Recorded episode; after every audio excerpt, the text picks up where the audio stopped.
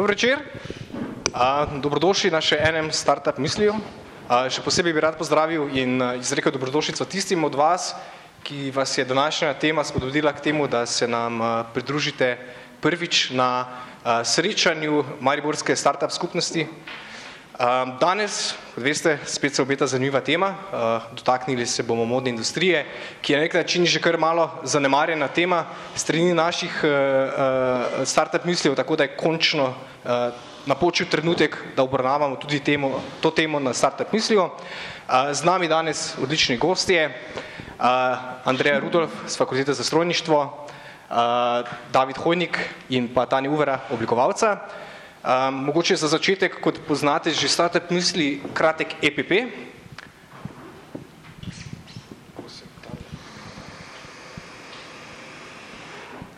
Organizator startup mislijev je Tovarna podjemov, podjetniški inkubator Univerze v Mariboru. Za tiste, ki nas poznate, veste, da nudimo podjetniško podporo startupom v vseh fazah razvoja, se pravi, ne glede na to, kje ste trenutno z vašo podjetniško idejo, bodisi na začetku, bodisi že naredili nekaj korakov na svoji podjetniški poti, pri nas ste vselej dobrodošli, nudimo mentorsko in pa svetovalno podporo, hkrati pa tudi organiziramo različne tematske delavnice iz tem, ki jih neki modern podjetnik preprosto mora poznati, se pravi, od digitalnega marketinga do tem, kot so uporaba Wordpressa, Mailchimpa in pa podobno. Danes je z nami tudi posebna gostja, Urška Krivograd, ki bo na kratko predstavila podporne programe, ki jih izvaja Center za kreativnost, kar tiste od vas, ki vas je verjetno vsem pritegnila ravno tema kreativnosti, vas bo zagotovo zanimala. Urška. Hvala. Pozdravljeni vsi. Jaz sem Urška, prihajam torej s Centra za kreativnost in res bom zelo na kratko predstavila, kaj Center za kreativnost je, potem pa vas v bistvu povabila na tri oziroma izpostavila tri dogodke, ki se mi zdijo, da bi bili mogoče za vas najbolj ta trenutek zanimivi. Torej v bistvu Center za kreativnost je platforma, ki jo izvaja Muzej za arhitekturo in oblikovanje, in sicer razdeljen je na dva dela, platformo izvajamo mi z vsemi aktivnostmi za kreativce, izobraževanja, promocija, razstave, prodaje, druga polovica je pa več kot pet milijonov sredstev, namenjenih za nepovratna finančna torej sredstva, nepovratne subvencije, ki jih pa dela Ministrstvo za kulturo. Ker gre za kohezijski projekt, je seveda več sredstev namenjenih za vzhodno kohezijsko regijo, kar je super za vse, ki imate torej podjetje registrirano v vzhodni regiji. S tem namenom se je odprla tudi projektna pisarna v Mariboru na Partizanski cesti, za tiste, ki še niste bili, nas lahko obiščete vsak dan med deveto in sedemnajsto, kjer je sicer razstava Made in Slovenija, slovenskih izdelkov in proizvodov, drugače pa vedno prirejamo neke nove različne dogodke. Torej v bistvu Center za kreativnost spodbuja podjetništvo v kreativnem in kulturnem sektorju in izvajamo vseh teh šest stebrov, ki jih ne bom natančno razložila. Predvsem torej povezovanje in razvoj novih izdelkov in storitev, izobraževanja, mentorstva, predvsem kreativni in kulturni sektor povezovati s podjetniškimi skillsi. Torej prva stvar, ki je mogoče najbolj aktualna, je ta razpis, ki je trenutno zunaj z Ministrstva za kulturo, in sicer rok je bil za prijavo je bil podaljšan do šestega maja. Torej vse, ki želite razvijati novo poslovno idejo oziroma storitev ali produkt, se lahko prijavite na eno, eden izmed teh treh sklopov. Recimo prvi sklop A ena lahko dobite do petnajst tisoč evrov za razvoj torej kakšne blagovne znamke, svojega produkta ali storitve. Za A dva, če hočete nadgraditi svojo že obstoječo linijo, lahko dobite do štirideset tisoč, če se pa kreativci povežete s podjetji, pa trideset tisoč. Vse je seveda razpis že objavljen na Ministrstvu za kulturo, na njihovi, spletni strani. Drugi dogodek, smo torej tudi v partnerstvu s Podi konferenco in zdaj že drugič letos in letos smo se odločili, da skupaj pripravimo javni poziv, in sicer vabimo vse kreativce, ki se želijo predstaviti na Podi konferenci s svojimi storitvami ali produkti, mrežiti na konferenci, spoznati mogoče nova podjetja, s katerimi lahko vzpostavijo kakšna sodelovanja, da se tudi do šestega maja prijavijo na naš naslov in izbrali bomo do deset podjetij in jim omogočili eno podjetniško delavnico, pičanja in pa seveda tudi vstopnico za podin konferenco. In še zadnji, tretji dogodek je pa ta četrtek, ste že mogoče dobili vabila na stolih, in sicer gre za eden izmed pop-up star dogodkov, to so naši mesečni dogodki, ki jih prirejamo v projektni pisarni Centra za kreativnost in vedno izberemo enega ali dva oblikovalca, večinoma so to mladi, ki ustvarjajo karkoli na pač področju kreativnega in kulturnega sektorja, vedno gledamo, da gre za različne stvari, od kakšnih modnih oblačil do keramike, tokrat pa bo Andreja Japelj izbirala oblačila iz treh second hand trgovin v Mariboru in torej bodo nekak način kurirana, so pa del tudi modne revolucije, tedna modne revolucije, ki poteka v tem času, tudi to je, so dobili letake in so aktivnosti še danes, jutri, ja, mislim, cel teden. Tako da vabljeni seveda, da se prijavite na naš novičnik www.czk.si, kjer pač obveščamo najbolj redno o vseh razpisih, ki bi vas utegnili zanimati, ki so za kreativce najbolj zanimivi, in pa tudi dogodke, ki jih mi izvajamo. Hvala. Ja, jaz žal ne bom mogla ostati do konca, ampak ja, če ima kdo kakršnakoli vprašanja, bomo veseli, lahko kar pišete na info afna czk.si. Hvala. Hvala lepa, Urška. Mi pa kar nadaljujemo z našim osrednjim delom, se pravi s pogovorom z nami tremi, našimi tremi gosti. Začel bom z gostjo na moji desni, Tanja Uvera, ti si oblikovalka, ampak začniva na začetku tvojega začetka kot oblikovalka. Kdaj je v tebi zrasla ta ideja, dozorela, kdaj je bil si aha moment, želim si biti oblikovalka? Um, dober večer najprej vsem skupaj. Jaz mislim, da to se pač rodiš kot oblikovalec. To, to ni bilo pri meni kar tako enkrat, zdaj pa jaz to bom, jaz sem od majhnega sem skozi ustvarjala, um, delala obleke za vse okrog sebe, mačke, igračke, skratka vsak, ki si je želel. Uh, ali pa ne. Ali pa tudi ne, maček če ne, ampak ja. Um, in uh, potem sem šla to študirati in me je pot vodila evo do tukaj, kjer sem zdaj. Pač celo življenje se s tem ukvarjam.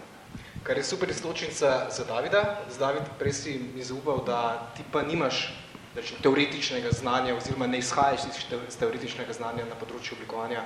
Si, si ti mogoče soočal s kakšnimi drugačnimi izzivi, oziroma ne, kje, kje se je začela tvoja želja pozdravljen tudi z moje strani. Eh, ja, mogoče se je moja pot začela nekoliko drugače. V osnovi sicer isto, že kot eh, otrok razmišljaš in ustvarjaš in rišeš in tudi mogoče iz tega vidika, ker je tudi moja babica bila šivilja in sem mogoče imel šivalni stroj in, in delo v tej branži non-stop pred sabo. Ampak me pa moja šolska pot popeljala v neko drugo smer. Po gimnaziji sem študiral medijske komunikacije in se v bistvu šele ob tem ukvarjal kot hobi. Najprej s stiliranjem, najprej s preoblikovanjem nekih obstoječih oblačil, eh, ustvarjanjem nekih dodatkov, nakita in v bistvu je postopoma ta, eh, ta želja rasla in eh, evo me zdaj tukaj, modni oblikovalec brez teoretične podlage, ampak ogromno, ogromno se moraš priučiti, če se lotiš, eh, najti ekipo, ki ti pri tem pomaga in ki uh, zapolni ta manjko, mogoče teoretični, ki ga pa moraš tudi hitro sam uh, osvojiti, kljub temu, da mogoče nisem študiral modnega oblikovanja. Super. Uh, Andrej, vi se na, na fakulteti ukvarjate s pedagoškim in raziskovalnim delom. Kako to žonglirate in vprašanje, um, odkot želja potem, da morda oblikovanje in pa ne vem, tekstilne materiale uh, proučujete, raziskujete, se prej na znanstveni ravni, na tako malce bolj poglobljeni ravni. Uh, lep večer vsem skupaj. Uh, ja, rekli ste, ukvarjamo se na naši fakulteti, da izpostavim, ker se morda sliši hecno, za začetek na fakulteti za strojništvo, vendar pri nas obstaja že tradicionalno leta nazaj eh, študij tekstilstva in pa kar nekaj let eh, tudi študij oblikovanja znotraj katedre za tekstilne materijale in oblikovanje, kjer tudi se udestvujemo na pedagoškem področju, izobražujemo mlade oblikovalce in pa v okviru Inštituta za inženirske materijale in oblikovanje pa teče pri nas ta raziskovalni del, kjer smo pa tudi posebej močni. Kje se je začela moja pot? Prej sem izpostavila, da jaz nisem oblikovalka, študij sem zaključila konfekcijske tehnologije na naši fakulteti. Kaj me je pripeljalo do tega? Pravzaprav sem želela biti oblikovalka, ampak vam povem, da nisem naredila sprejemnih. Iz risanja človeške figure, vse ostalo mi je šlo. In nekako se mi je ponudila tudi pač potem priložnost in še zmeraj želja in vztrajnost, da ta študij želim dokončati, zato sem se vpisala v Maribor, da naredim prvi letnik, da ne izgubim enega leta. Me pa so prav materiali potegnili, tekstilni materiali, mikroskopiranje tekstilnih materialov, njihovi mikrodelci, da potem naslednje leto sploh nisem več šla delat sprejemnik Ljubljano in sem ostala na naši fakulteti kjer sem tudi dobila priložnost, da nadaljujem svojo pot in sem sedaj v bistvu del tega kreativnega, oblikovalskega, izobraževalnega in pa raziskovalnega procesa. Odlično. Če pridemo iz strasti na posel, se pravi, kdaj je pa napočil mogoče ta trenutek, da je strast postala posel? Se morda, to je vprašanje za za Tanjo in Davida se morda spomnita um, vajnega prvega kupca, ki ni bil stara teta ali pa mama ali pa se pravi prvega pravega kupca. Se spomnita te izkušnje, je bila dobra, slaba? Ja, jaz se spomnim. Na faksu smo imeli uh, modno revijo, ki smo delali pač eno kolekcijo njih, uh, takih, zdaj sem imela dve, dva, dva taka zimska kosa, ampak je bilo tako odšteka narejen, ena pena, pa potem tukaj ene take rože, pa tako odštekan. Skratka, in je kupila tisto pa ena rejverka za nek uh, festival in se mi je zdelo, oh, super, v štiri fino biznis. Um, potem pa um, enkrat me je ustavila ena ženska v, v trgovini, ne, ja, tam v mestu, ja, kako fino torbico imaš, ker sem vmes še torbice delala, pa je bil to tudi en tak izmed prvih poslov. Pol sem pa v bistvu dobila jaz kar službo, še preden sem končala faks v pletilnem studiu Draž, ki so, tam pa so res specialisti za pletenine, pa je bila to moja služba, no po tistem sem pa, tam sem dve leti delala, pa sem, šla, sem se pa v Maribor preselila in sem kar skok v vodo pa začela na svoje. Tako, potem je pa, potem se pa res začne iz nule, ne ki moraš svoje, svoj krok um, kupcev najti, jih prepričati, da je to ok. Najprej sem delala seveda za tiste, ki so me iz Ljubljane poznali, pa so bili že, so bili že seznanjeni, kaj pri meni lahko domijo. V Mariboru je bilo pa tako. Um, lepo se jim je zdel, ampak joj, zdaj pa to še noben nima, a si upam, ne, tako je bilo mečken, uh, bolj počasi je šlo. Ampak ta prehod, ne, se je pač sem delala za Ljubljano, po ljubljanskih trgovinah sem imela stvari, pa se je pol ta prehod naredil, ne, da najprej tukaj prijatelji so začeli nositi, pa potem prijatelji od prijateljev, pa šlo potem tako naprej. Kaj pa ti, David? Kdaj je bil ta moment prestopa strasti v posel? Um, mogoče se je začelo na ta način. Jaz sem, kot že prej rečeno, začel kot stilist na raznih snemanjih in slikanjih, ker sem uporabljal stvari iz trgovine, iz trgovin. Uh, ampak, ko imaš pred sabo mogoče kako estradnico, za katero veš, da bo ta slika potem končala na neki naslavki ali pa v kakšni reviji ali pa kjerkoli, se mi je zdelo nepredstavljivo, da bo gospa, ki bo kupila to revijo v isti obliki, kot jo nosi zvezdnica na, na naslovnici. Ni mi, ni mi je bilo naravno, pač zvezde kujemo ne, in pač eh, non so razmišljamo o tem, da imamo nekaj, kar si mi želimo, in na ta način sem potem začel delati neke dodatke in spreminjati stvari, da to več niso bile iste stvari, kot so obstoječe v trgovini in še ne z namenom prodaje, niti približno, ampak čisto izključno, ker sem želel ustvariti nekaj unikatnega in drugačnega, ker na ključni mimodoči ne bi imel iste stvari. Eh, in šele potem na teh slikanjih se je začelo popraševanje in eh, zelo hitro potem tudi eh, prodaja raznim modelom, pevkam in na ta način. Jaz sem v bistvu zelo, kar se tiče mojih začetkov, je šlo v bistvu tam najprej mogoče je bila medijska izpostavljenost, še preden sem sploh imel karkoli za ponuditi konkretnega, ampak je pa, smo pa hitro potem mogli napolniti ta manjko, če sem se želel, poslati, eh, si želel eh, podati tudi eh, v poslovne vode, kar se tega tiče. Okay. Uh, Tanja, umenila si pletenine. Pletenine so nekaj tvoj značilni znak. Odkot pletenine? Zakaj si ravno pletenine izvrala kot svoj medij? Um, na zaključni modni reviji, pač na, na faksu je tako. Um, manekenke so prostovoljne, pač prijateljce ne, in so različnih oblik in če greš ti nekaj izdelati zelo natančno, telirano tako, bo mogoče eni prav, pa se bo premislila, ker ima izpite in bo prišla njena kolegica, pa je to več ne bo prav. In uh, sem takrat rekla, da ne bo stiske, na koncu tam pred revijo pa to popravljam, pa tega bom jaz naredila kolekcijo iz pletenin. Uh, tako da sem nekaj dala v Almiro, takrat je še bila Almira uh, v Radovlici naštrikat, nekaj sem uh, sama, tako take velike zanke, ker na roke glih ne znam štrikati.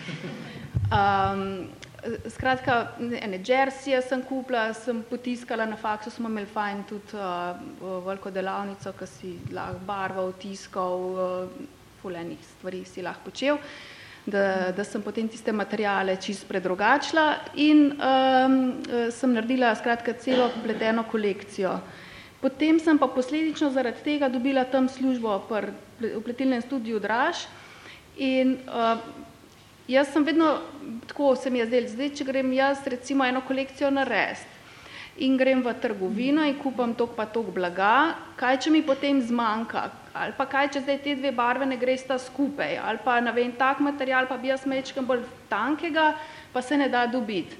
Zdaj, če pa ti celo stvar narediš sam, od začetka do konca, da napleteš material, je lahko takšne barve, kakor si izmisliš, take debeline, um, tam pa ni omejitev, ne, potem. Tako da sem v bistvu, um, mi je to bilo pisano na kožo, ne, da, da delam pletenine.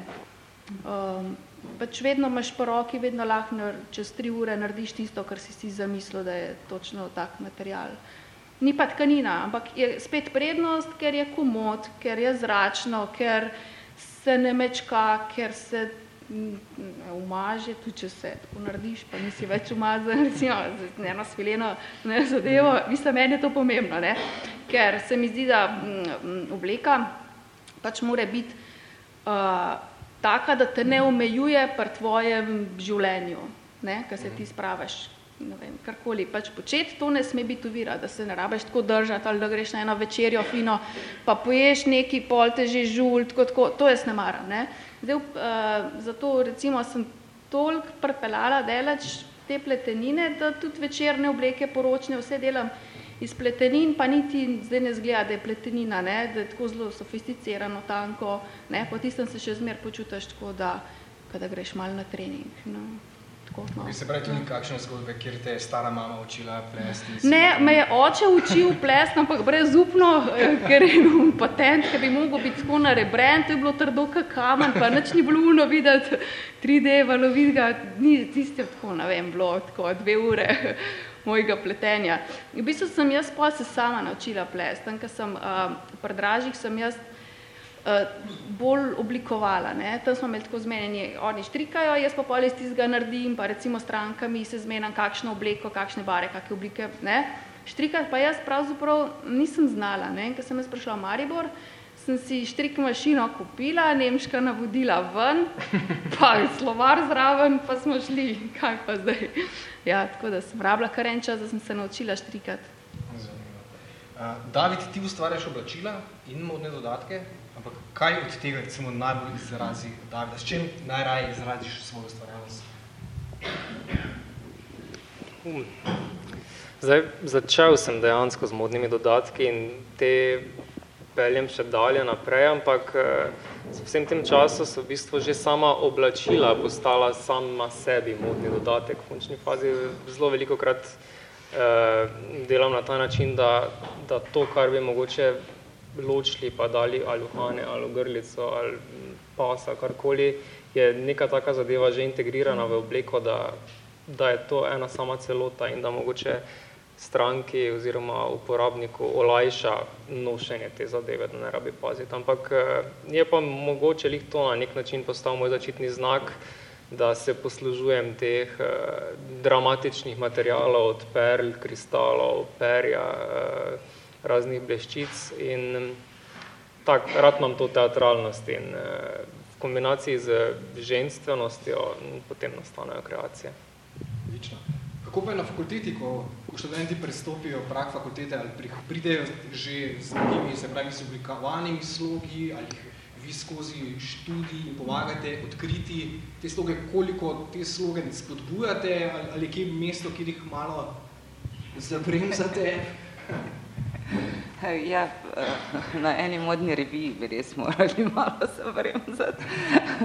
Ampak dejansko vidiš, da se vsi mi razvijamo in študentje se seveda razvijajo skozi projekte od prvega letnika, drugi, tretji in naprej, rastejo iz projekta v projekt, pridobivajo izkušnje, seveda jih spodbujamo iz vseh strani, vseh vidikov, kolikor pa je možno, pa prepuščamo, da uporabljajo svoj slog, kajti za tem slogom mislim, da je težko brez svojega sloga delati in narediti nekaj popolnoma drugačnega. Vsi imajo nekje neko svojo identifikacijo znotraj izdelkov, tega pa jim ne moreš vzeti, preprosto ne gre, ne, mislim, da nobenemu bi ga porušili verjetno, ne.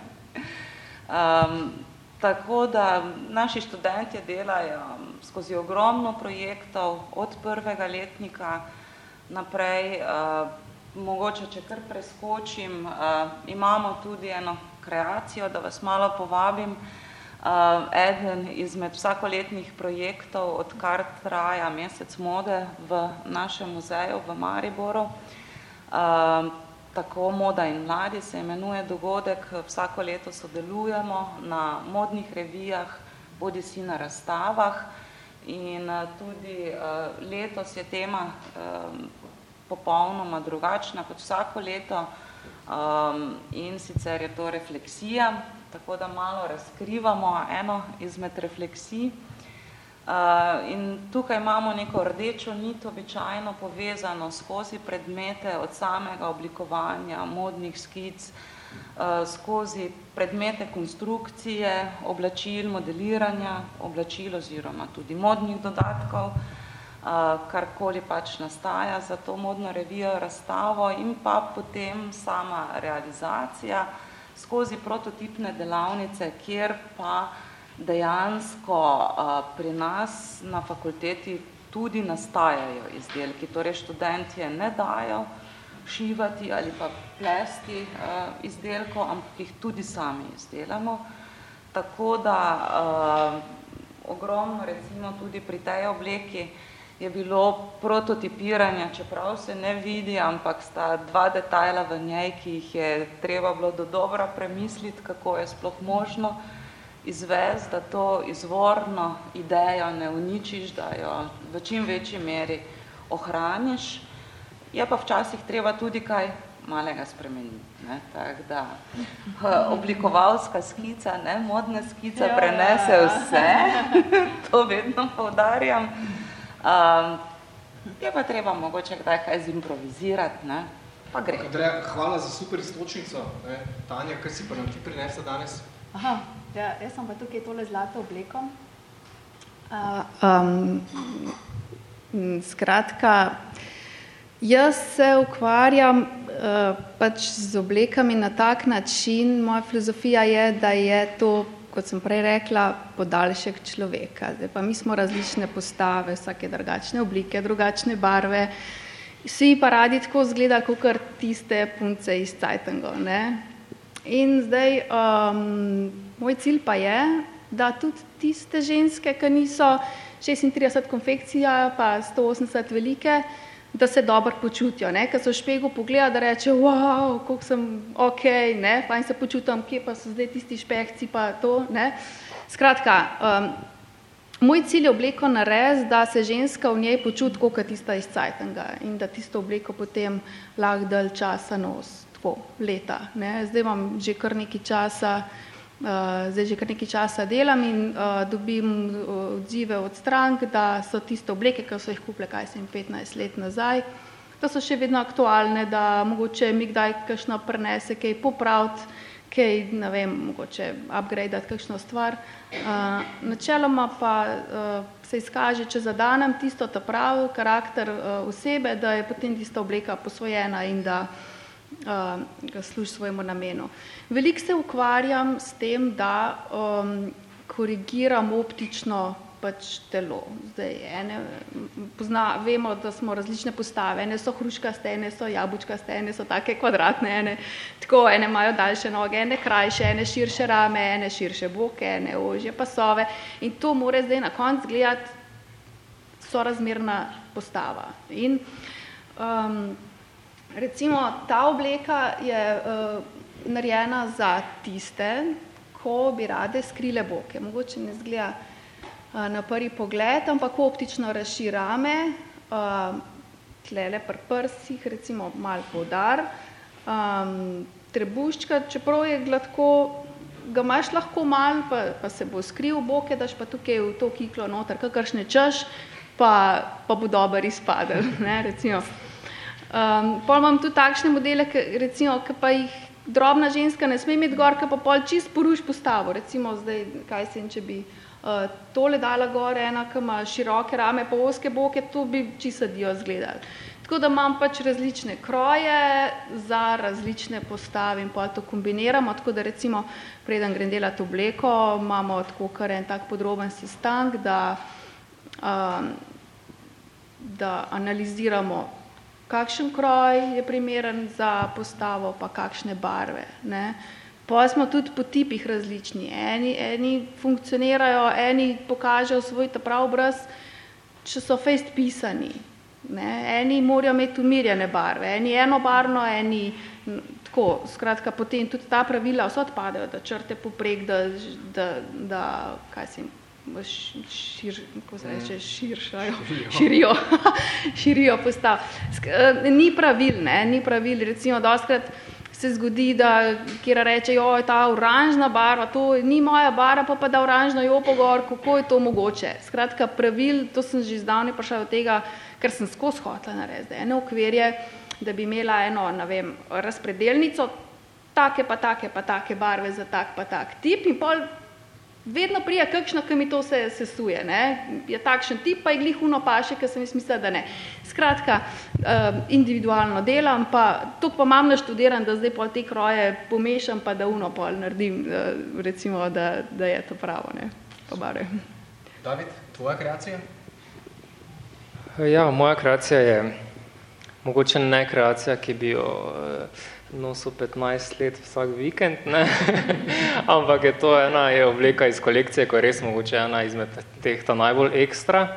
Uh, je res, da mogoče pri nas se take obleke ne nosijo pogosto ali pa sploh ne, ampak eh, na podlagi takih oblek načeloma pokažeš, kaj znaš in kaj lahko narediš in potem na podlagi takih oblek tudi lahko narediš enih 15 drugih različnih verzij nosljivih iz tega. Ne. Uh, je pač, ne vem, čar teh oblek je, da so v celoti izdelane naročno, kar se tiče čipke in perlic in perja je vse eh, ročno narejeno in nanizano in zašito. Uh, bi se bal mogoče dati to obleko počevalni stroj, ker po moje ni za, zaloge igel dovolj, da bi to se šilo po vseh teh perlah. Um, ampak ja, delam pa različne stvari, ne. mogoče ta, ta obleka najbolj ponazarja to, v čemer uživam, to, kar mi je največja strast, ampak eh, kot rečeno, na podlagi tega se pa lahko naredijo tudi obleke za vsakodnevne priložnosti do, do oblek za posebne priložnosti. Super. Če se malo vrnemo k poslu, govorili smo o tistih skromnih začetkih, prva prodaja, druga prodaja, torbico na ulici prodala mimo grede. Super. Um, kako pa danes, recimo, ne, ko si že pač uveljavljeno ime, kljub temu, kako skrbiš za to, da zvemo za tebe, na kak način delaš marketing, promocijo? Ja, marketing. To, to je v bistvu ena taka nova stvar, ki se reka, zdaj pa grem še to pogledat. Ne. Pač, ker določen čas, uh, jaz sem take sorte, da me skozi nekaj novega zanima, ne, in ker se zdaj pač en čas nekaj dela, pa si izmislim nekaj drugega, ne, in zdaj recimo imam tako milijon enega dizajna in sem prišla do tega, da zdaj pa bi mogoče jaz se začela ukvarjati z marketingom, tako da je to zdaj nova, uno, uh, nova igračka, nova, na sveže. Um, do zdaj je šel marketing tako, pač uno, standard, uh, od prijateljice prijateljica je prišla, ne?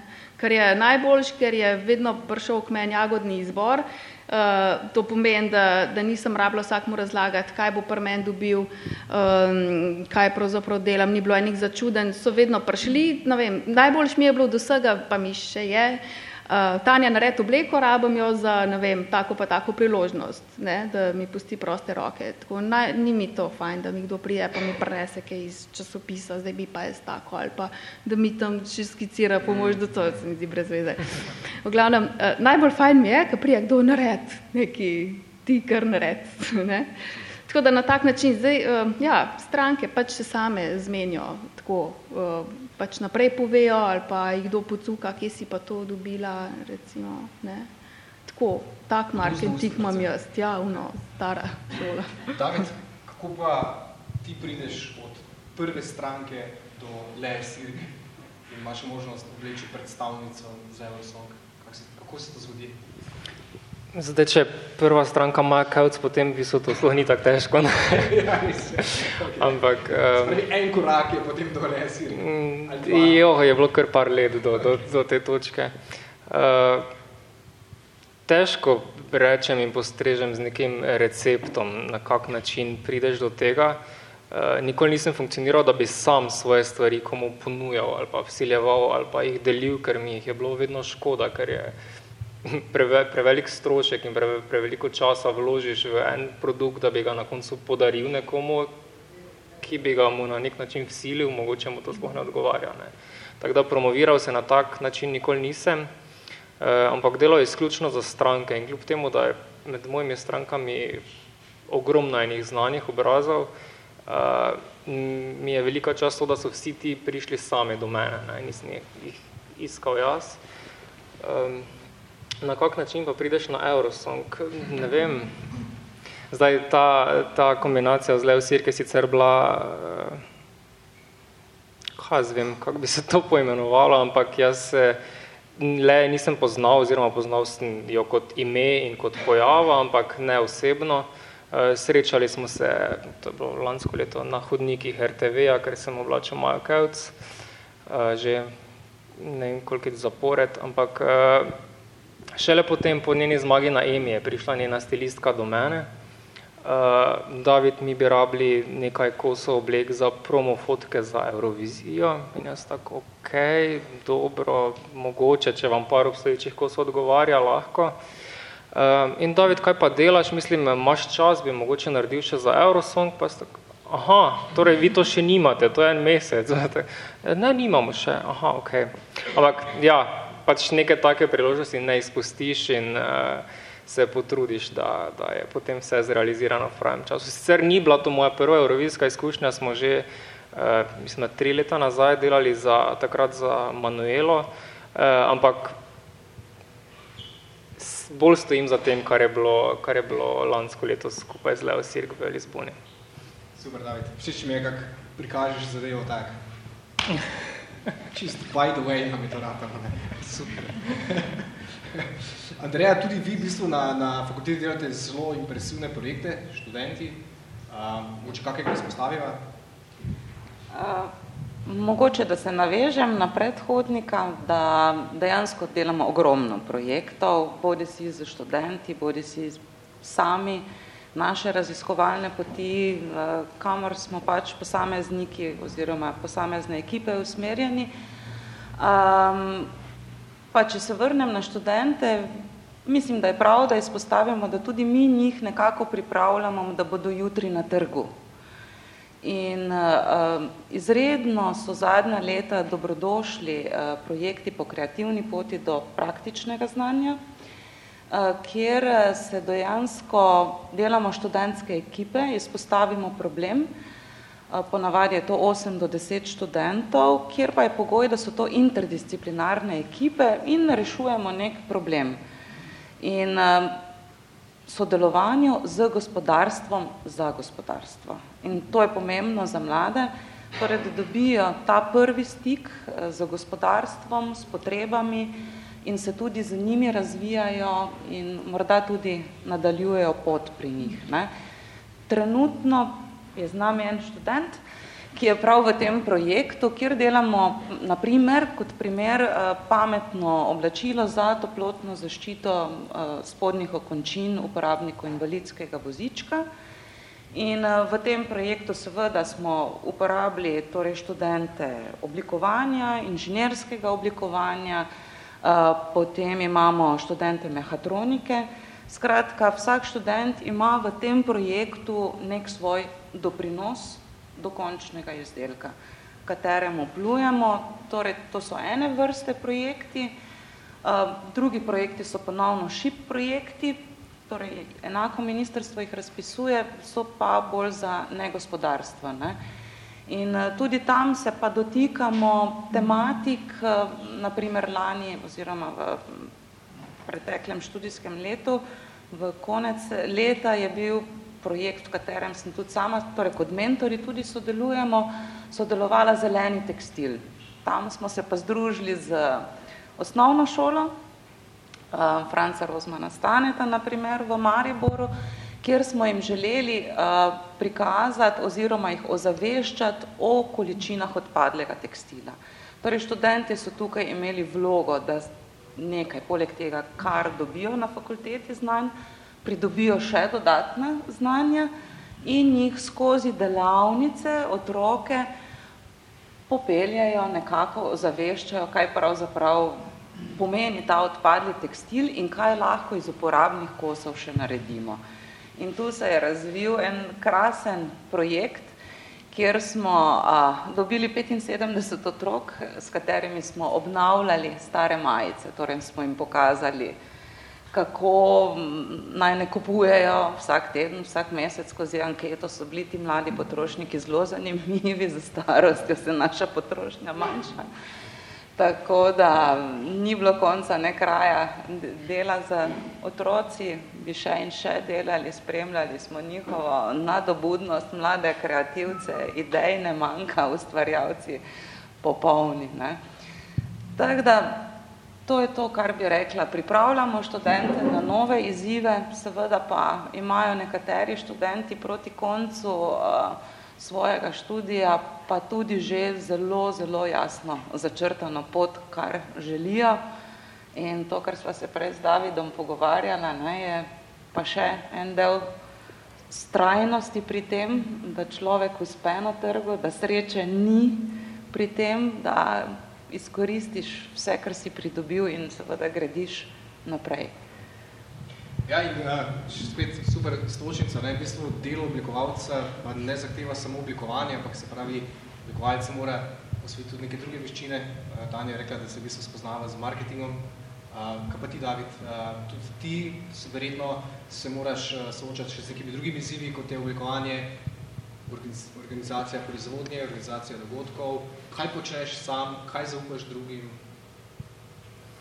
Zdaj, če bi imel mogoče še tri pare rok svoj, bi verjetno čisto vse delal sam, ne? ampak uh, žal to fizično ni mogoče, je pa res, da, da modni oblikovalec se sliši sansko, ker si pred, vsi predstavljamo, da, da to narišeš skico na list papirja in potem ta obleka oziroma skica čudežno oživi in nastane v realnem življenju in potem pride princesa, ki to obleko obleče in je potem pravljica popolna, ampak nažalost ni tako. Ne. Je tu ogromno neke komunikacije s strankami, v zadju že samo za eno samo naročilo, ne, ki mogoče to sploh ni neka draga obleka, ampak čist casual t-shirt.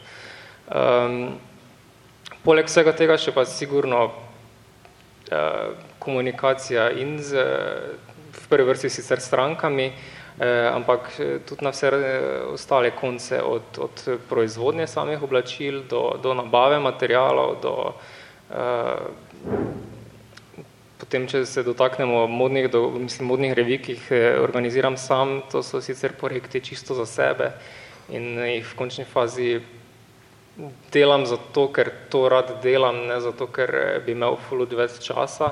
Zdaj bo en tak večji projekt, kaj je bilo februarja? Uh, februarja v, v Slovenskem narodnem gledališču Maribor smo predstavili novo kolekcijo Nvidia in Pa je to eden izmed, oziroma lahko rečem največji projekt, ki sem ga delal do sedaj v popolnoma lastni organizacijski režiji in ni samo predstaviti kolekcijo, ampak poskrbeti za, za vse, za celotno doživetje, ker, ker to rad počnem. Zelo rad imam gledališče in teater nasploh in, in na nek način je vsak moj dogodek neka, neka vrste predstava. Um, tudi sama kolekcija je bila tokrat uh, izdelana namensko oziroma v sporedno s tem, kje in na kak način bo ta predstavljena. Tako da uh, res gremo v eno celostno zgodbo, uh, sledila pa je čisto iskreno po vpraševanju, po, po svečanih, elegantnih stylingih uh, in zato potem se odloči za to smer. In ko, ko pride do tega, kdo kaj počne, čisto iskreno rad držimo roko nad čisto vsem, zato tudi organiziramo to v lastni režiji, ker od vseh nekih idej, kako to fizično potem izgleda do, do prostora, dekoracije, tudi v končni fazi grafičnega dizajna za in vabila in vse ostale stvari, uh, imam vsaj delno prste vmes, če jih že ne naredim sam. Ne. Uh, je pa res, da takega ogromnega projekta, ker mogoče, če ga primerjamo s Fashion Weekom, ker v zadju dela mogoče 100 ljudi ali pa 50 ljudi, um, mi pa mogoče naredimo v obsegu desetih ljudi, te ključne organizacijske ekipe, uh, je velik zalogaj in, in smo na koncu pa toliko bolj ponosni mogoče, ko, ko uspe in ko uh, doživi tak razcvet, kot je ta naša Nvidia letos v Mariboru. Se mi zdi, da uh, je fajn, ko lahko te stvari ustvarjaš in uh, realiziraš na domačih tleh, da, da ne greš na okoli in sanjaš o tujini, čeprav vsi vemo, da mogoče bi druge bilo to tudi drugače sprejeto, ampak eh, da tudi na domačih tleh ponudiš nek tak program in eh, je pol tudi zadovoljstvo tako večje. Super. A, mogoče preden pridemo na naslednje vprašanje, kakšno vprašanje iz publike? Aha? Ja, jaz imam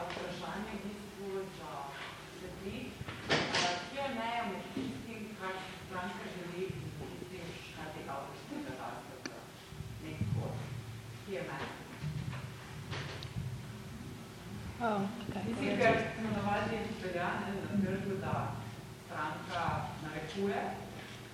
Um, verjamem, da imate kar nekaj individualnih strank, za svojo željo. Kje je tista meja, kar vam trg narekuje, da izvajate, delate in med tistim, kar vi želite narediti? Najprej, Hajdi, hvala, ker si mi ukradla vprašanje. ker si svoj Okay.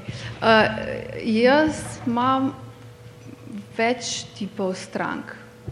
Imam take, ki vidijo na modni reviji in bi imele točno tist kos.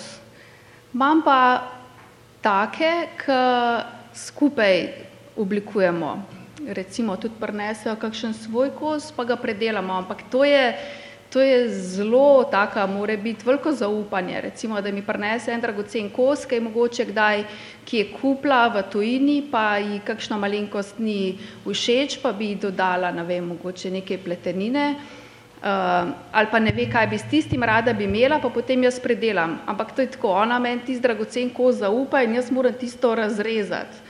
Tako da je veliko zaupanje, da mi to ona pusti, pa jaz si moram tudi face tupa, da rečem, ok, to vzamem, pa to naredim. Um, potem je pa recimo večina je pa tako, da, da imamo um, posvet, pa se zmenimo, um, za kakšno priložnost je obleka, kakšne barve so uh, uh, vsebi všeč, v, v čem se bo dobro počutila, kakšne oblike, kakšne dolžine in potem skupaj pač, ampak vedno je pa um, izhodišče iz tistih stvari, ki jih jaz imam. No, vem, če sem že kdaj šla delati po kakšni skici, tist, ne vem, se nekako ne obnese. Ker, um, ne vem, laik ima pač izkušen tako čist realno tri, jaz jih imam pa, kad celo življenje to delam, mogoče mi je lažje, ne vem, kakšno novo stvar se zmisliti, ker človek niti ne ve, kaj bi za njega bilo v redu. Nekaj vid pa je lepo, ampak ne ve zdaj, kako bi na njemu to funkcioniralo. Tako da ponovati je tako, da človek pove, kaj bi rad, pa pa jaz tisto uresničem na nek način. Tako. David? Uh, ja, težko dejansko čisto konkretno govoriti, kje je ta meja, kaj uresničiti stranki in na kak način vples vseeno svoj dizajn. Je pa res, da uh, mislim, da nas kontaktirajo in iščejo v prvi vrsti stranke, ki že poznajo naše delo in ki jim je to delo všeč in mogoče prav zaradi tega pridajo uh, do nas in po našo kreacijo. Uh, se pa sigurno vsaka, vsaka stranka vidi v neki svoji luči, zdaj ene se prepustijo malo bolj, druge eh, ostajajo zveste nekemu svojemu videnju, vse, kar lahko narediš, je, da, da predstaviš neko boljšo idejo, drugačno idejo, seveda v prvi vrsti, da, da, da ona izpade boljše na koncu v obliki, eh, zdaj v, koliki, v kolikšni meri pa bo ona sama to sprejela, eh, je pa zelo različno, no, ampak v veliki meri se pa stranke vseeno prepustijo, Eh, so mogoče neki detajli potem tisti, ki odločajo oziroma jih spreminjamo ali prilagajamo. Eh, osnova pa je, eh, tako kot je že Tanja povedala, v bistvu zaupanje stranke, da, da, da sama ve in da, mogoče tudi zato pride do tebe, da, da, da ne bo razočarana na koncu. Še kakšno vprašanje iz publike?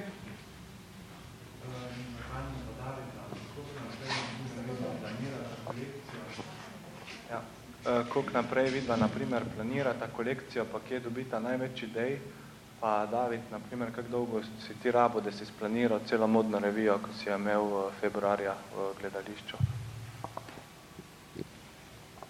Hmm. Zelo različno v bistvu. Uh, kolekcija se lahko planira eh, leto dni naprej, lahko dlje časa, lahko pa tudi dva meseca, zdaj čisto odvisno od neke od nekih idej, ki jih imaš. Eh, teže je potem sicer te ideje realizirati, če si prepozen z snovanjem kolekcije, ampak uh, je zelo odvisno. No, recimo za dotično kolekcijo Nvidia, ki je bila predstavljena februarja, so ideje v moji glavi rasle že mogoče tri leta nazaj, ampak pač je trajalo, da prideš do, do te točke, da pa na koncu se odločiš to vseeno pokazati in prezentirati. Eh, kar se pa tiče same modne revije, pa je to projekt, ki tudi v bistvu začne nastajati v, vsaj v glavi oziroma in na papirju leto dni prej, potem zadnjih pol leta pa res intenzivno, da se dela vsaj, skoraj vsak dan na tem. No. Zadnja dva meseca pa v bistvu živiš s tem dobesedno. Tudi po dnevi in po noči in eh, eh doma in na delo in posod. Ja, um, pri meni je v bistvu tako, da uh, imam v glavi itak tisoč stvari, ki bi jih rada naredila. Zdaj pa ene stvari so zrele, ene še niso. Um, recimo za zadnjo kolekcijo um, sem razmišljala, glede na to, kakšne stranke imam, uh, kaj bi njim ponudila novega, pa kaj imajo, kaj imajo rade. Ne? Ker zdaj čist novih eksperimentov, tako je brez veze delati, na nove stvari se zmišljati. Uh, prišla sem do tega, da ljudje imamo radi nekaj, kar nam je domače, mal drugače zavito, ne? da je stvar uporabna, da smo že nekje videli, da nam je ok, te pa tej stvari je podobna, ampak vseeno ima nekaj novega vse. Uh, zato, ker te stvari je potem pač fino prodati. Ne? Mm. Zdaj, če bi jaz delala samo tisto, ki je meni všeč, bohe, kakšen bi to bilo. Pač lepo bi izgledal, pomoč pa lahko doma, da to gledaš. Ne? Pa vsi drugi tudi bi, ampak za vam pa to ni. Ne? Uh, skratka, treba je narediti stvar, ki je uporabna. Um, vsako kolekcijo pač dam eno uh, stvar zraven, ki recimo vedno tako čaka ideje, ne? pa se pomika naprej.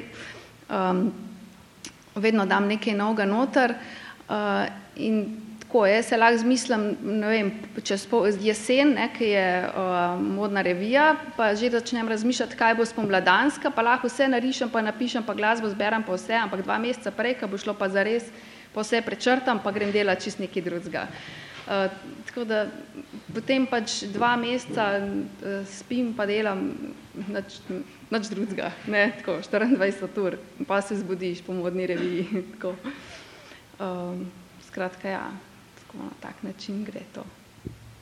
Ok, uh, gremo dalje, se še vrnemo k vprašanju kasneje. Uh, David je omenil, da mu je pomembno, da ustvarja, da je prisoten v, v Mariboru.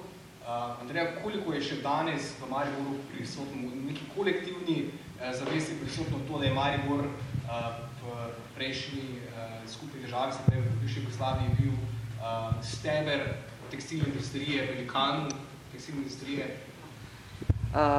Dve, tri leta nazaj, da izpostavim projekt Jugoslovanski Manchester, v katerega je tudi bila naša fakulteta, naša katedra, študentje povabljeni in vključeni. Uh, mogoče ste ga tudi spremljali in dejansko se je ogromno dogodkov ravno na posvetilo naši uh, Mari, Mariboru, Mariborski tekstilni industriji, jugoslovanskemu Manchesteru uh, posvečalo pozornost in tudi prav je tako. In vidimo, da se zadnje čase tudi mesto Maribor zadnje leta ogromno spodbud daje za mlade kreativce, ogromno dogodkov je, kamor se lahko so vpeti mladi, in tudi, da se predstavljajo, da se izpostavljajo, da iščejo prve svoje korake. Um, tako da smo zelo veseli stopili v ta projekt in tudi ogromno naredili za sam projekt z raznimi razstavami in pa tudi z zaključno modno revijo, ki je bila v minoritski cerkvi. Potem smo obujali tudi skozi posame stare logotipe uh, naših tekstilnih tovarn, smo delali nove logotipe in tako dalje. Skratka, ogromno, ogromno dela je bilo uh, vloženega in pa se na tem tudi še pozna, kaj ti mladi dobijo nova spoznanja, kaj je bilo, kaj se je delalo in uh, nadgrajujejo. Torej, skozi vsak posamezen projekt, ki se je delal skozi ta jugoslovanski Manchester. Tako da to je Maribor ogromno sodelujemo tudi z Rise Fiber birojem, potem z, z, tudi v Centru za kreativnost smo prisotni, imamo svojo modno oblikovalko, ki izhaja iz naših vrst v Mariboru, ki ima svoje atelje. Delamo pa tudi povsod po Sloveniji, recimo prej, ko ste spraševali, kje je tista meja ne, med kaj dovoljuje uporabnik eh, oziroma naročnik in kje je meja oblikovalca, seveda naši študenti še nimajo čistih svojih naročnikov strank, za katere bi popolnoma delali, ampak eh, jih pa imamo nekaj, imamo naročnike, mogoče uspel projekt um, za Expo Milano, kjer smo delali za iFeels Slovenija, Spirit, um, modne dodatke za eh, promocijsko osebje v paviljonu in smo tudi kar nekaj nagrad poželi iz tega vidika.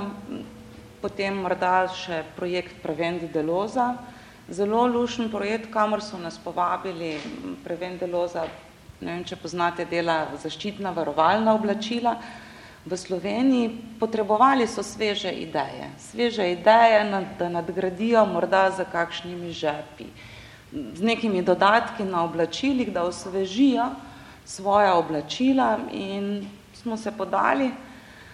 Tudi moram reči, da zelo uspešno razvijali nismo celotna oblačila, ampak smo proučevali zgodbe njihovih oblačil, ne vem, za gozdarje, za policaje, za posamezne osebja in dodajali tisto noto posameznim delom na oblačilo, seveda potrebno, uporabno noto, z oblikovalskim, kreativnimi vidiki, uporabljali njihove trakove, vrvice in tako dalje.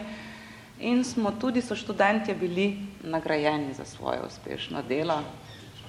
Če še ostanemo malo se pravi pri veliki industriji, da se nekaj dotaknemo tiste naslovne uh, kitajske hiperprodukcije. Ne? Se pravi, kaj so uh, neki izzivi, ki jih ta hiperprodukcija uh, dejansko predstavlja za potičnega oblikovalca?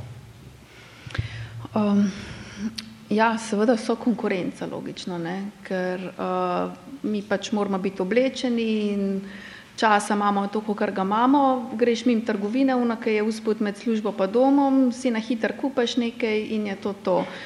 Uh, tako da se dejansko moramo truditi, no, zdaj govorila za sebe, vse najbrž za vse isto velja, da ostaneš v stiku uh, s tvojimi strankami, da jih spomniš, da uh, se lahko na te obrnejo, recimo, da v bistvu tudi v istem času dobijo za obleč, da ti toliko zaupajo, da te recimo pokličajo, rabom obleko za takrat pa za, za takrat pa, da jo dobiš, ne smijo pozabiti. To je edina, se mi zdi, naša tista pot, ki lahko preživimo, drugače pa to je nemogoče konkurirati z njimi, ne? to je masovna produkcija, uh, skozi imajo nove stvari, pocen, uh, idealno recimo za naš tempo življenja, uh, recimo zdaj nekdo, ki je pa bolj zaveden, kaj obleče, da mu ni vse en, kako zgleda, kako se počuti, uh, recimo uh, moje stranke dost potujejo in se mi zdi pomembno, da ima v tisti garderobi, ki gre z njo, kos, ki se ne mečka, ki lahko spodobno gre v, njim, v njem recimo na večerjo ali predavanja ali uh, tako, da, da ne bo pusto na cedilu.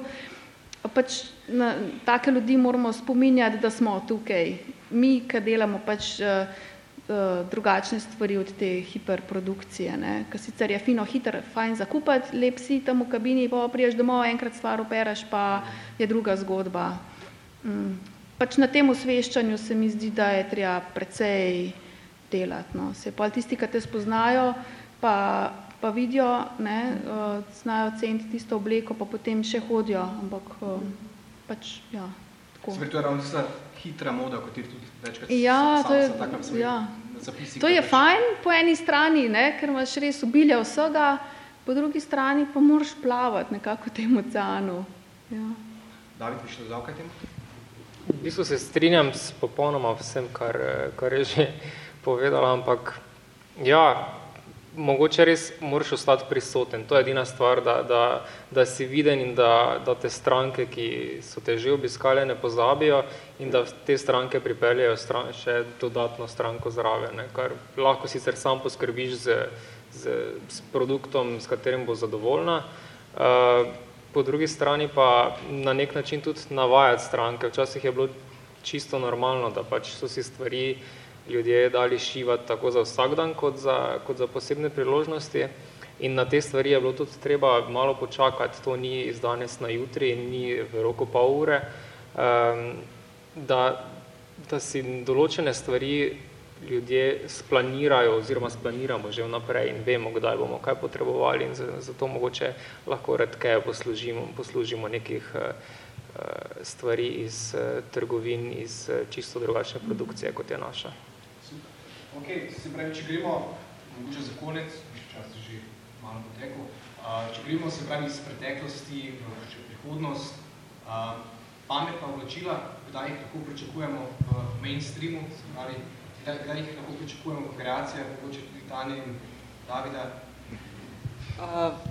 Če povem z našega vidika, bodo že konec junija, se more, more biti naše pametno vlečilo narejeno skozi projekt. V bistvu že obstajajo, vendar ne za masovno uporabo, za posameznike, za tiste, ki jih resnično potrebujejo. Ne? In tukaj recimo so trendi razvoja morda za osebe z določenimi posebnimi potrebami, naprimer kot so demenca ali paraplegike, ali posameznikov, ali vrhunske športnike, ali kaj takšnega, vidimo, da že verjetno vsak nekaj malo pametnega uporablja, ne vem, pancar, ki nas greje, ne, um, sicer ga mi reguliramo, torej bolj se zdaj gre to, da to pametno oblačilo nekaj zazna in tudi potem po potrebi da svoj odziv, da zadosti uporabnika ali po toplotnem udobju ali po čem drugem. Ne.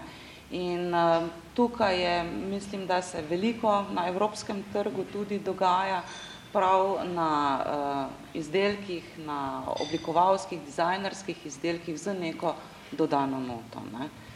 Tak, da. Ok, uh, da mogoče ne govorimo o toliko spravi, dolgoročne prihodnosti, če neka, neka kratkoročna prihodnost, kaj lahko pričakujemo v, v modnih smernicah, to pomladi poletje? Uh, ja, uh, kaj tako čisto iz časopisov, kaj bomo derali? Zdaj nisem mislil, pa mogoče Ja, recimo, koralna barva je letos šisin. No, to recimo se mi zdi drugače, pa joj, pri krojih, pa to, to, to je nemogoče. Nemogoče So, ujeti. so, so modne smernice sploh res nekaj univerzalnega, kdo je tisti, ki ima ta Ni več mandat, tistih. da Ni več uh, hlač na zvonc. Ne? To, to ne vem, če bo sploh še kdaj, da bi se zdaj tiste hlače na zvonc, pa so se nosile jaz ne vem koliko časa. Zdaj so eni taki trendi, recimo opažam, da je en flashback 80 pa, pa tako, ampak vse ne vem, ali je to trend. Jaz mislim, da, da je trend tako, če pogledam na splošno, čem, k čemu težimo. Trend je to, da si ti, uh, da ti zjutraj prvo doma razstopiš, in imaš noter toliko kosov in da, da ne rečeš, jo, nimam nič za obleči, ampak da vam potegneš, da, da imaš naštudirano svojo garderobo. To je zdaj trend. In da imaš uporabna oblačila, da, da so enostavno za vzdrževati, um, da, da, se, vem, da se ne uničijo po parih pranih, da nimaš težav s tistim, ne, ker potem se ti to kupič, pa nočeš stran vršt, pa nimaš komu podariti. Pa. Jaz mislim, da je zdaj ta globalni trend, ki se je začel kazati, oziroma veliko se o tem govori, ta trajnostna moda. Zdaj moramo pa to še usvojiti. Ne? Uh, zdaj pa, ne vem, barve ali pa oblike, pa tle nimajo kaj dosti. Jaz mislim, da gre to za razmišljanje. Ne? Recimo, ful je modern, da, da si ljudje dajo, um, si naročijo stilista in jim potem glede na njihov profil uredi garderobo. Ali si ti, ne vem, uh, ali uh, podjetnik, ali si nek dizajner, ali si, kaj si pač, uh, ti uredi garderobo za, za tvoj lifestyle. Jaz mislim, da je to trend. se strinjaš s tem, David? Se pravi, moda je nekaj individualnega, ni nujno smernice so vse.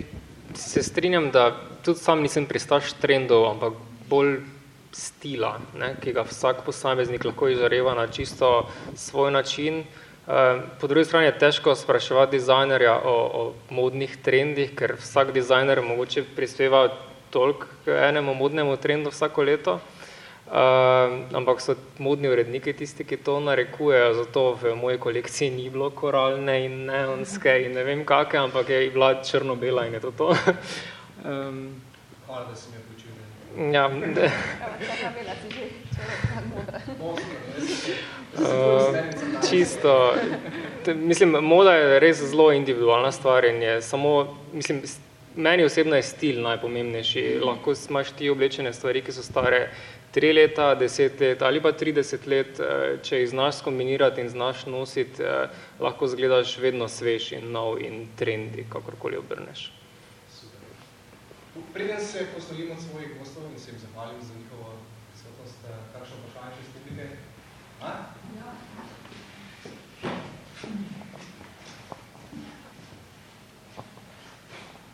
Dobar dan, jaz bi vprašala, kaj pa menite glede eh, ljudi, v bistvu tako kot vi, naprimer, izobraženi oblikovalci, ker je zdaj ogromno ljudi, ki so blogeri, ki so samoklicani svetovalci, ne vem, in je tu, tu se strašno mešajo stvari, da je vsak že oblikovalec, vsak je. In v bistvu, kako sploh svetovati ljudem, da prepoznajo, kaj je sploh kvalitetno, ker je tu, jaz mislim, en, ogromno je vsega, na koncu pa prideš na isto. In v bistvu, jaz se strinjam, dažni je stil, ker vsak ima nekaj, kar je njegovega in tu, nismo, tu smo različni. In ko poslušaš te svetovalce za barve, za modo, za ne vem, zdaj je teh tisoč, In to je res taka zmešnjava, da res ni pravilno. In se mi zdi, da bi bilo treba na tem tudi nekaj delati. Da uvedemo fashion police.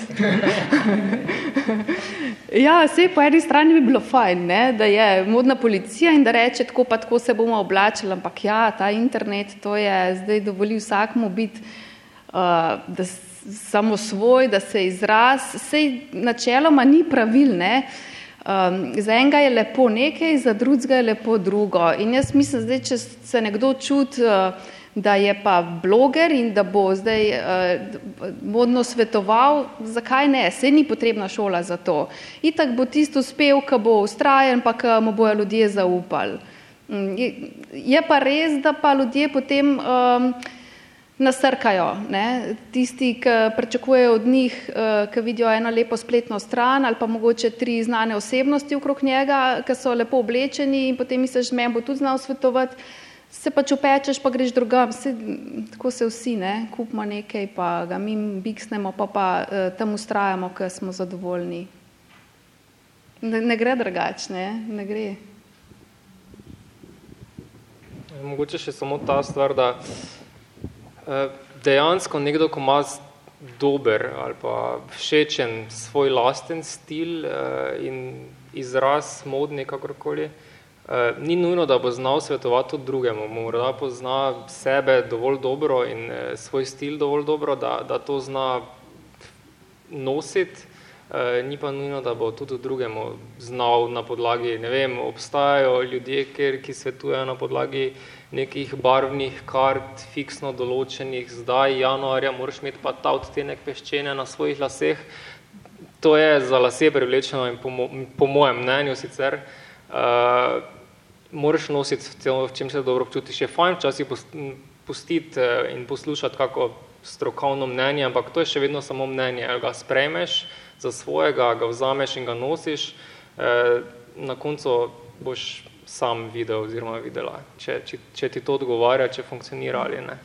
Andreja, bi kaj dodali? Ja, občudujem tiste, ki rečejo, daj me zdaj obleči, ne pa naredi z mene nekaj. In potem naj bom jaz zdaj za vsem zadovoljna, ko se pogledam, ne? Mislim, absolutno, moraš najti svoj stil, ja. uh, moraš se dobro počutiti, moraš znati nositi tisto, kar ti nekdo svetuje, če si oseba, da to zmoreš, ne? ko te v neko opravo nekdo da. Ne? In tako da mislim, da ne glede na to, ali gre za stilizem in tisto osebo, ki je od zadaj, morata biti vzajemna oziroma neka sinergija mora biti tam, da to sfunkcionira na koncu. Ne? Še kakšno vprašanje iz publike?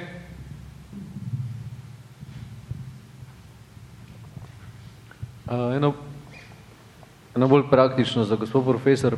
Omenjala je, kaj se lahko študenti počnejo, pa kje se udojstvujejo, ampak tisti, ki so končali pred desetimi, petnajstimi leti, recimo pri njih študij, kje so zdaj dejansko, oziroma koliko je teh ljudi in koliko je še v tej panogi a, delovnih mest za take?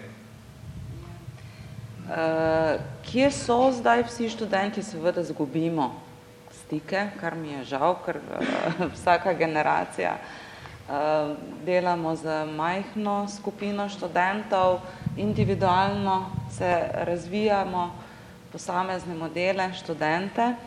Uh, bom pa povdarila to, da uh, industrije modne, konfekcijske je še zmeraj veliko in da zadnja tri leta, prav na NTF-ju, ko tečejo tudi zdaj, bo v juniju, v začetku junija simpozi, uh, so okrogle mize in tudi na prejšnjem simpoziju je bilo in na tem simpoziju sodelujejo podjetja slovenska tudi in eh, se posvečamo ravno o tematikah in o študijskih programih in o izobraževanju, kaj ti primanjkuje, primanjkuje izobraženih ljudi prav z področja tekstilstva.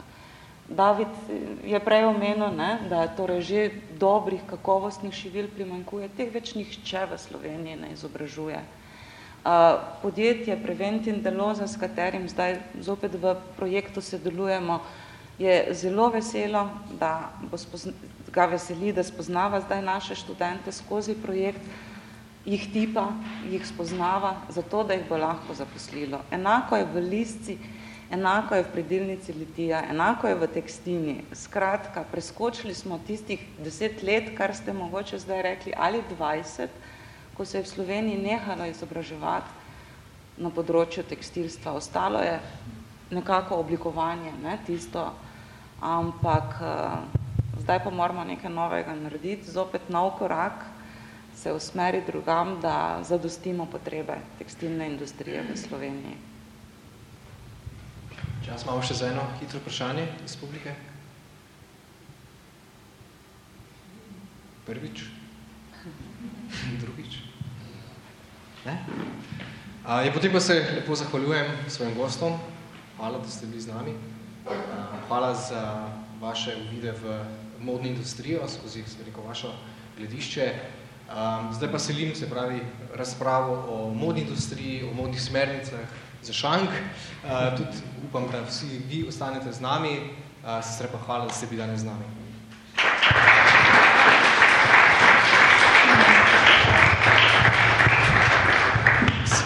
pozabil, Uh, lepo vas prosim, da, ocen, da nas ocenite, ocenite dogodek na ocenovanih listih, ki ste dobili na svojih stolih, pa pripišite, če vas zanima še kakšna tema povezavi, mogoče z današnjo, mi pa se bomo potrudili, oziroma z vam bomo zagotovo se uh, poskrbeli, da tudi organiziramo.